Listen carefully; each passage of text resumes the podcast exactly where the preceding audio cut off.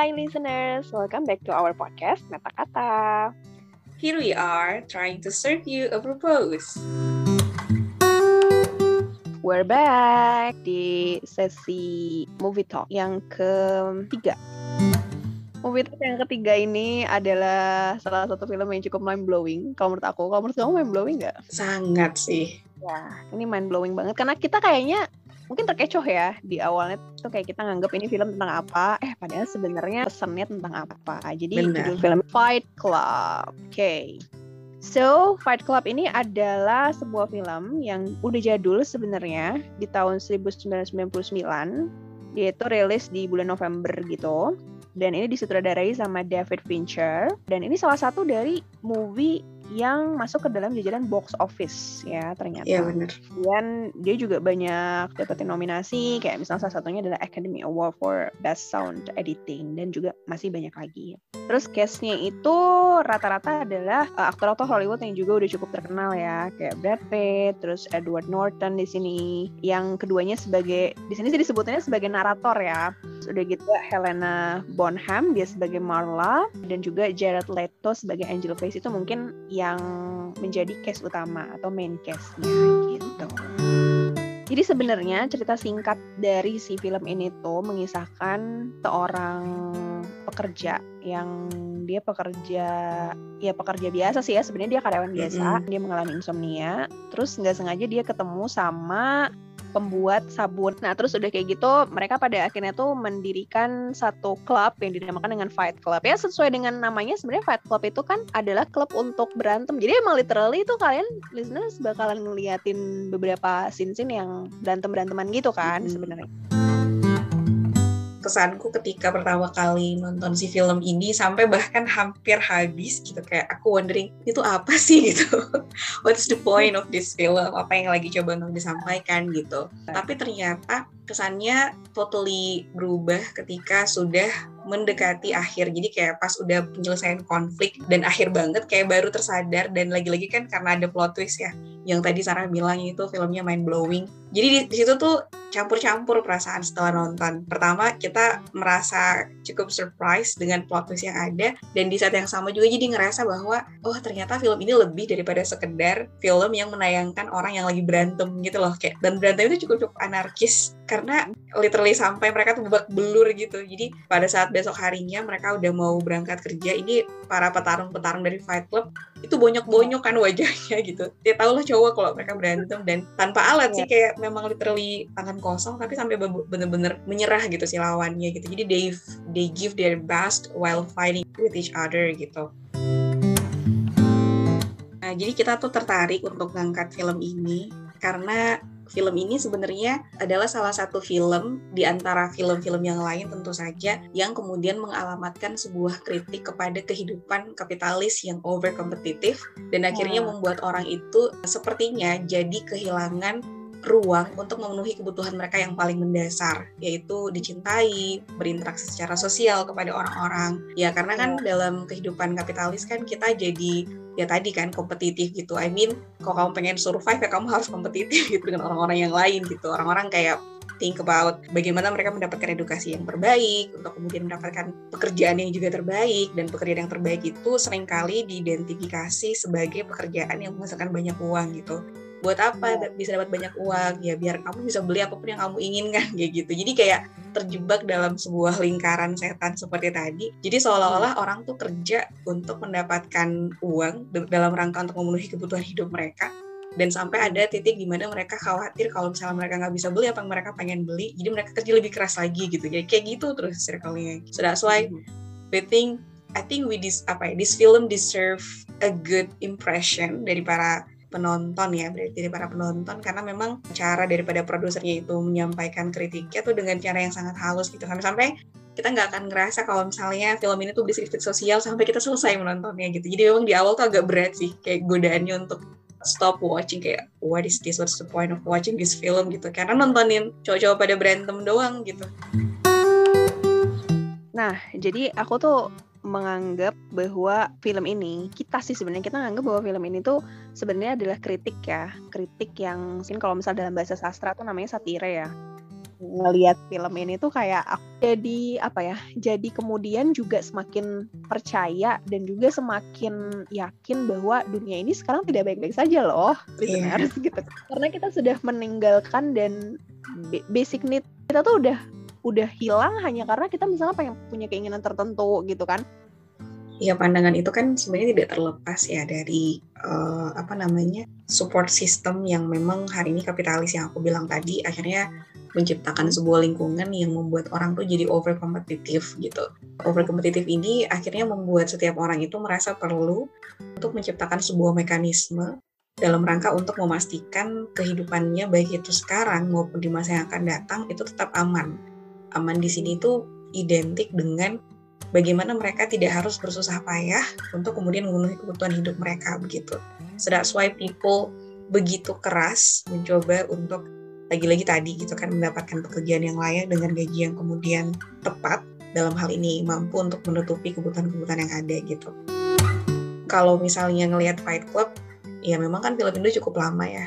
Kalau misalnya dari tahun 2000 tahun 1999 berarti umur film itu udah kurang lebih 21 atau 22 tahun gitu kayak wow it's kind of old gitu. Cuman menariknya adalah kenapa akhirnya kemudian juga kita bahas karena sekalipun film ini tuh adalah adalah film yang udah cukup lama, tapi isi atau konten yang kemudian disampaikan oleh si sutradara itu sampai sekarang bahkan masih bisa kita relate gitu atau kita relate dengan apa yang kemudian disampaikan sebagai contoh misalnya Norton yang tadi Sarah sebutkan sebagai salah satu cast di dalam film ini. Karena memang nggak ada namanya sih. Jadi kayak si Norton ini sebagai pemeran utama yang juga sekaligus bertindak sebagai narator tidak pernah disebutkan namanya gitu. Dan apa ya di sana dia digambarkan sebagai seseorang yang kemudian bekerja di perusahaan.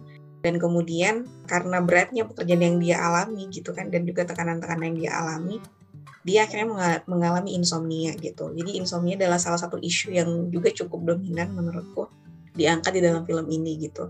Dan karena pekerjaan yang kemudian sangat berat tekanannya tadi dan dia kemudian somehow bisa menyadari bahwa there is something wrong with him dan hmm. apa ya he has to do something about it gitu. Karena kenapa ya aku tuh nggak bisa tidur gitu? Kayak matanya tuh nggak mau ketutup jadi kayak dia tuh bisa stay all day long like tanpa tidur sekalipun even dipaksa tidur di tempat itu tuh nggak bisa tidur jadi kayak melek doang gitu loh kayak there's something problematic gitu. Dan dia mencoba kan untuk melakukan beberapa hal dalam rangka untuk apa namanya menyembuhkan dirinya gitu. Mulai dari ikut konseling jadi kayak dia tuh ikut konseling di antara orang-orang yang mengidap penyakit berat gitu. Yang kayak ibaratnya hidup tuh harapan tuh kayak kecil gitu. Dan di sana orang-orang tuh saling bercerita terkait dengan kesulitan yang mereka hadapi saling mencurahkan perasaan lah gitu justru di tempat seperti itu dia malah mendapatkan tempat gitu tapi sebenarnya dia menyamar sih dia tuh menyamar sebagai salah satu orang yang kemudian mengidap penyakit tersebut gitu. Nah, dan setelah dia kemudian masuk ke grup konseling itu,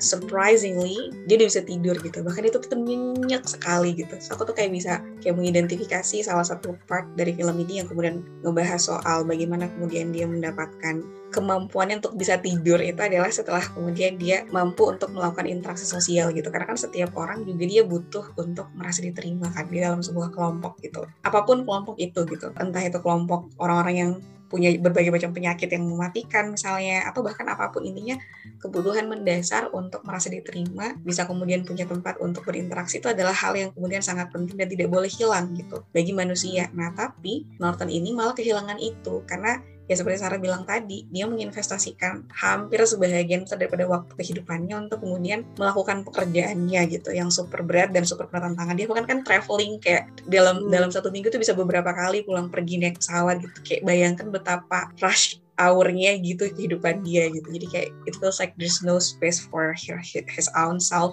Bahkan beli barang-barang mahal tidak mampu untuk membuat dia jadi satisfied gitu. Udah udah nggak tertolong lagi gitu beli barang. Terus memenuhi perabotan dia dengan kalau nggak salah tuh waktu itu yang disebutin itu IKEA produk IKEA gitu. Itu tidak menyembuhkan gitu. Sesuatu yang dia rasa tuh kayak kosong di dalam dirinya. Oh dia about sepakat banget sih ya. Dan aku tuh sebenarnya juga adalah orang yang belajar untuk kemudian bisa hidup dengan seharusnya. Maksudnya gini, hidup dengan Mhm. seharusnya tuh. Iya. Jadi dulu dulu ya, sebelum aku kemudian bisa punya bisa punya pandangan seperti ini gitu. Aku dulu tuh adalah orang yang juga cukup concern dengan hal-hal yang sifatnya itu maksudnya kayak it relates me to apa ya kayak financial condition. Kayak misalnya nyari uang atau misalnya kuliah ya udah tuh ngerjain tugas gitu kan ya. Tanpa aku memperhatikan bahwa kondisi badanku itu harus istirahat gitu kan. Atau misalnya aku butuh juga nih suatu support system dan aku harusnya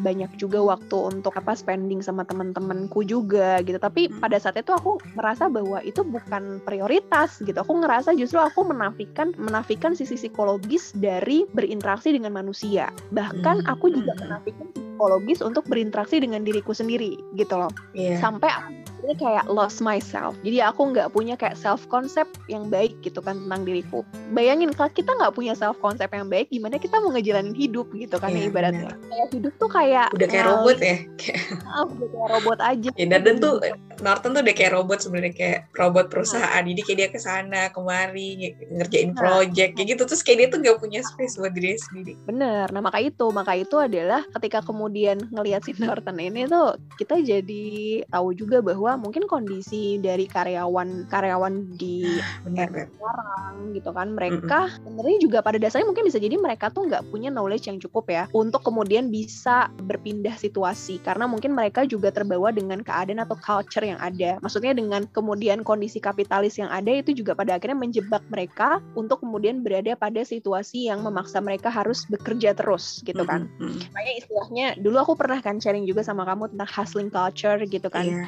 dan orang-orang Amerika atau orang-orang kaya itu mereka punya pandangan bahwa if you want to be a rich man gitu kan maka kamu harus kemudian juga punya si culture yang sifatnya Hustle itu hustle. Pokoknya intinya ketika orang lain lagi tidur itu kamu ya harus mau untuk kerja juga. Jadi Ya, kalau jadi kita misalnya kamu invest dua kali lipat gitu daripada orang kebanyakan. Empat, benar ya, lebih berat daripada kebanyakan orang kayak Mm-mm. gitu kan.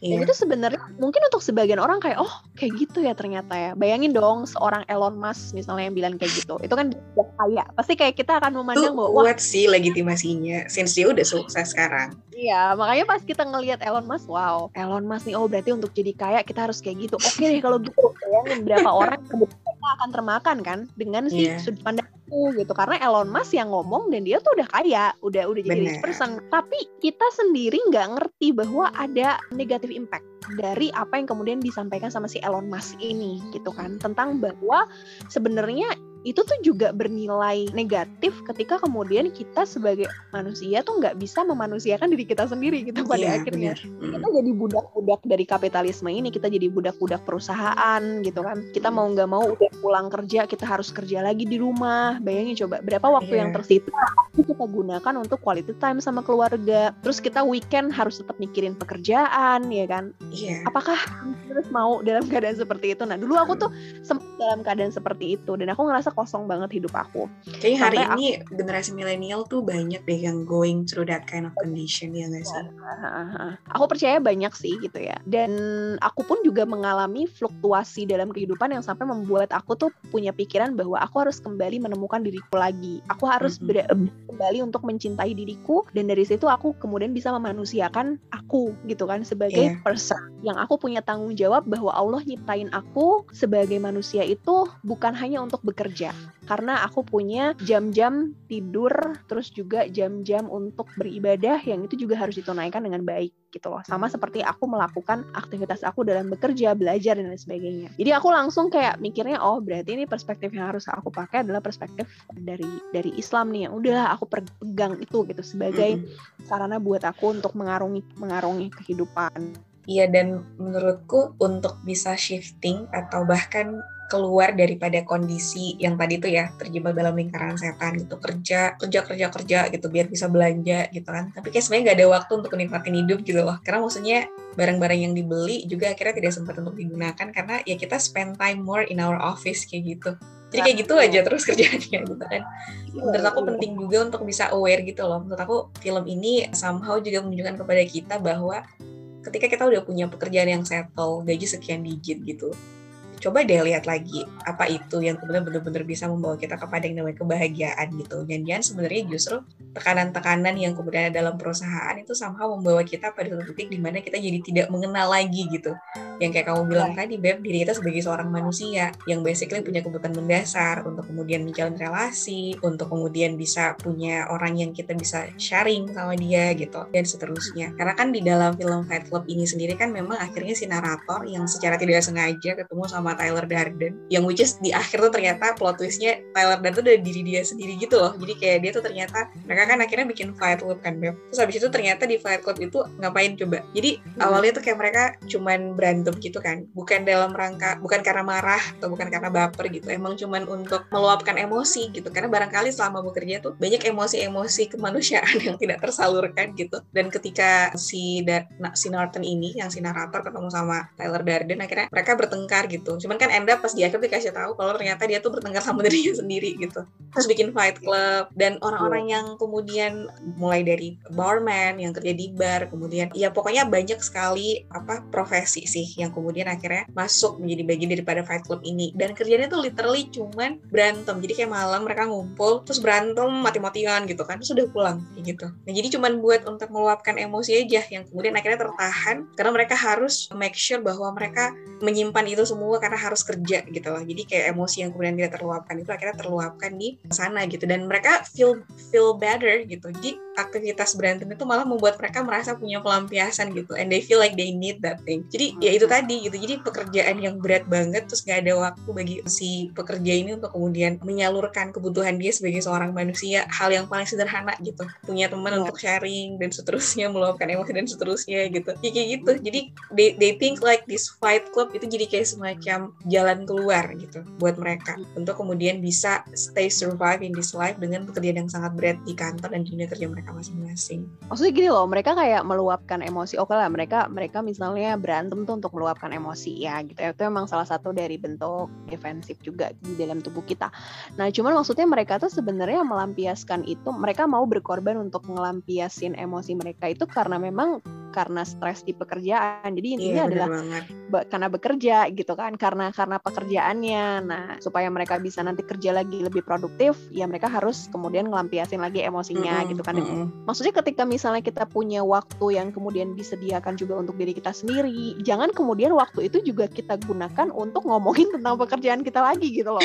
Karena udah udah cukup di sana. Udah kita kita harus bisa mengkategorisasi kapan kita kerja. Oke setelah selesai kerja kita sekarang kembali ke rumah. Di rumah kita punya peran yang lain ya kan? Misalnya kita jadi anak kita jadi orang tua atau apa gitu. Ya udah kita berarti all out juga di situ gitu. Jadi jangan sampai situasi pekerjaan ataupun hal-hal yang berkaitan dengan pekerjaan itu membawa pengaruh juga ke dalam kehidupan pribadi kita pada akhirnya kita jadi rugi. Kita nggak punya waktu yang cukup banyak dan kita nggak bisa all out sama kehidupan pribadi. Jadi ketika kita lagi ngumpul sama temen mungkin untuk ngelampiasin emosi juga. Tapi jangan sampai pelampiasan emosi itu jadi salah satu sarana buat kita karena kita mau melampiaskan emosi yang kita dapatkan di tempat kerja gitu. Sehingga yeah. itu iya. mempengaruhi kita dengan teman-teman kita gitu sama satu lagi nih yang terakhir terkait dengan alienasi. Jadi kan si narator itu kan digambarkan sebagai seseorang tuh yang memang sangat profesional lah di dalam pekerjaannya gitu. Cuman di luar karena memang dia nggak ada waktu untuk make friends sama orang lain gitu. Akhirnya ketika dia sudah selesai atau keluar dari lingkungan kerjanya, dia merasa teralienasi gitu. Dia merasa lingkungan itu di luar tempat kerjanya itu sebagai suatu tempat yang asing buat dia. Sementara kan manusia juga punya kebutuhan mendasar untuk lagi-lagi tadi gitu merasa diterima atau ya let's say simply simply berinteraksi secara sosial. Apa yang dia lakukan kan dia pergi tuh yang kayak aku bilang tadi ke apa tempat-tempat konseling untuk mendengarkan cerita sedih orang-orang yang kemudian mengidap penyakit gitu. Nah, ini sebenarnya inline juga gitu. Cuma cuman ini, cuman di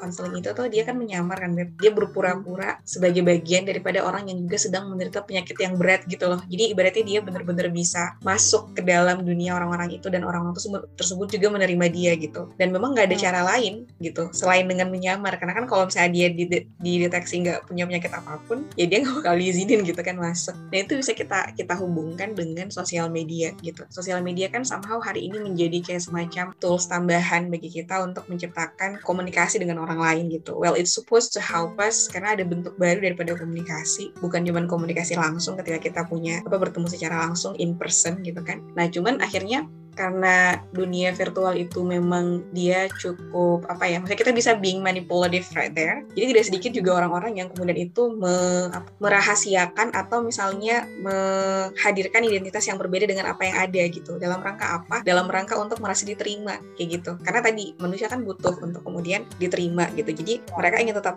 mengaspirasikan. Mereka tetap ingin mengekspresikan dirinya gitu kan. Tapi di saat yang sama juga mereka ingin diterima sama orang lain gitu. Nah makanya di media sosial kan kita lihat ada orang yang kemudian itu justru menjadi orang lain kayak gitu. Jadi mereka kemudian tidak ingin menghadirkan dirinya sebagaimana mereka yang seharusnya karena kekhawatiran itu.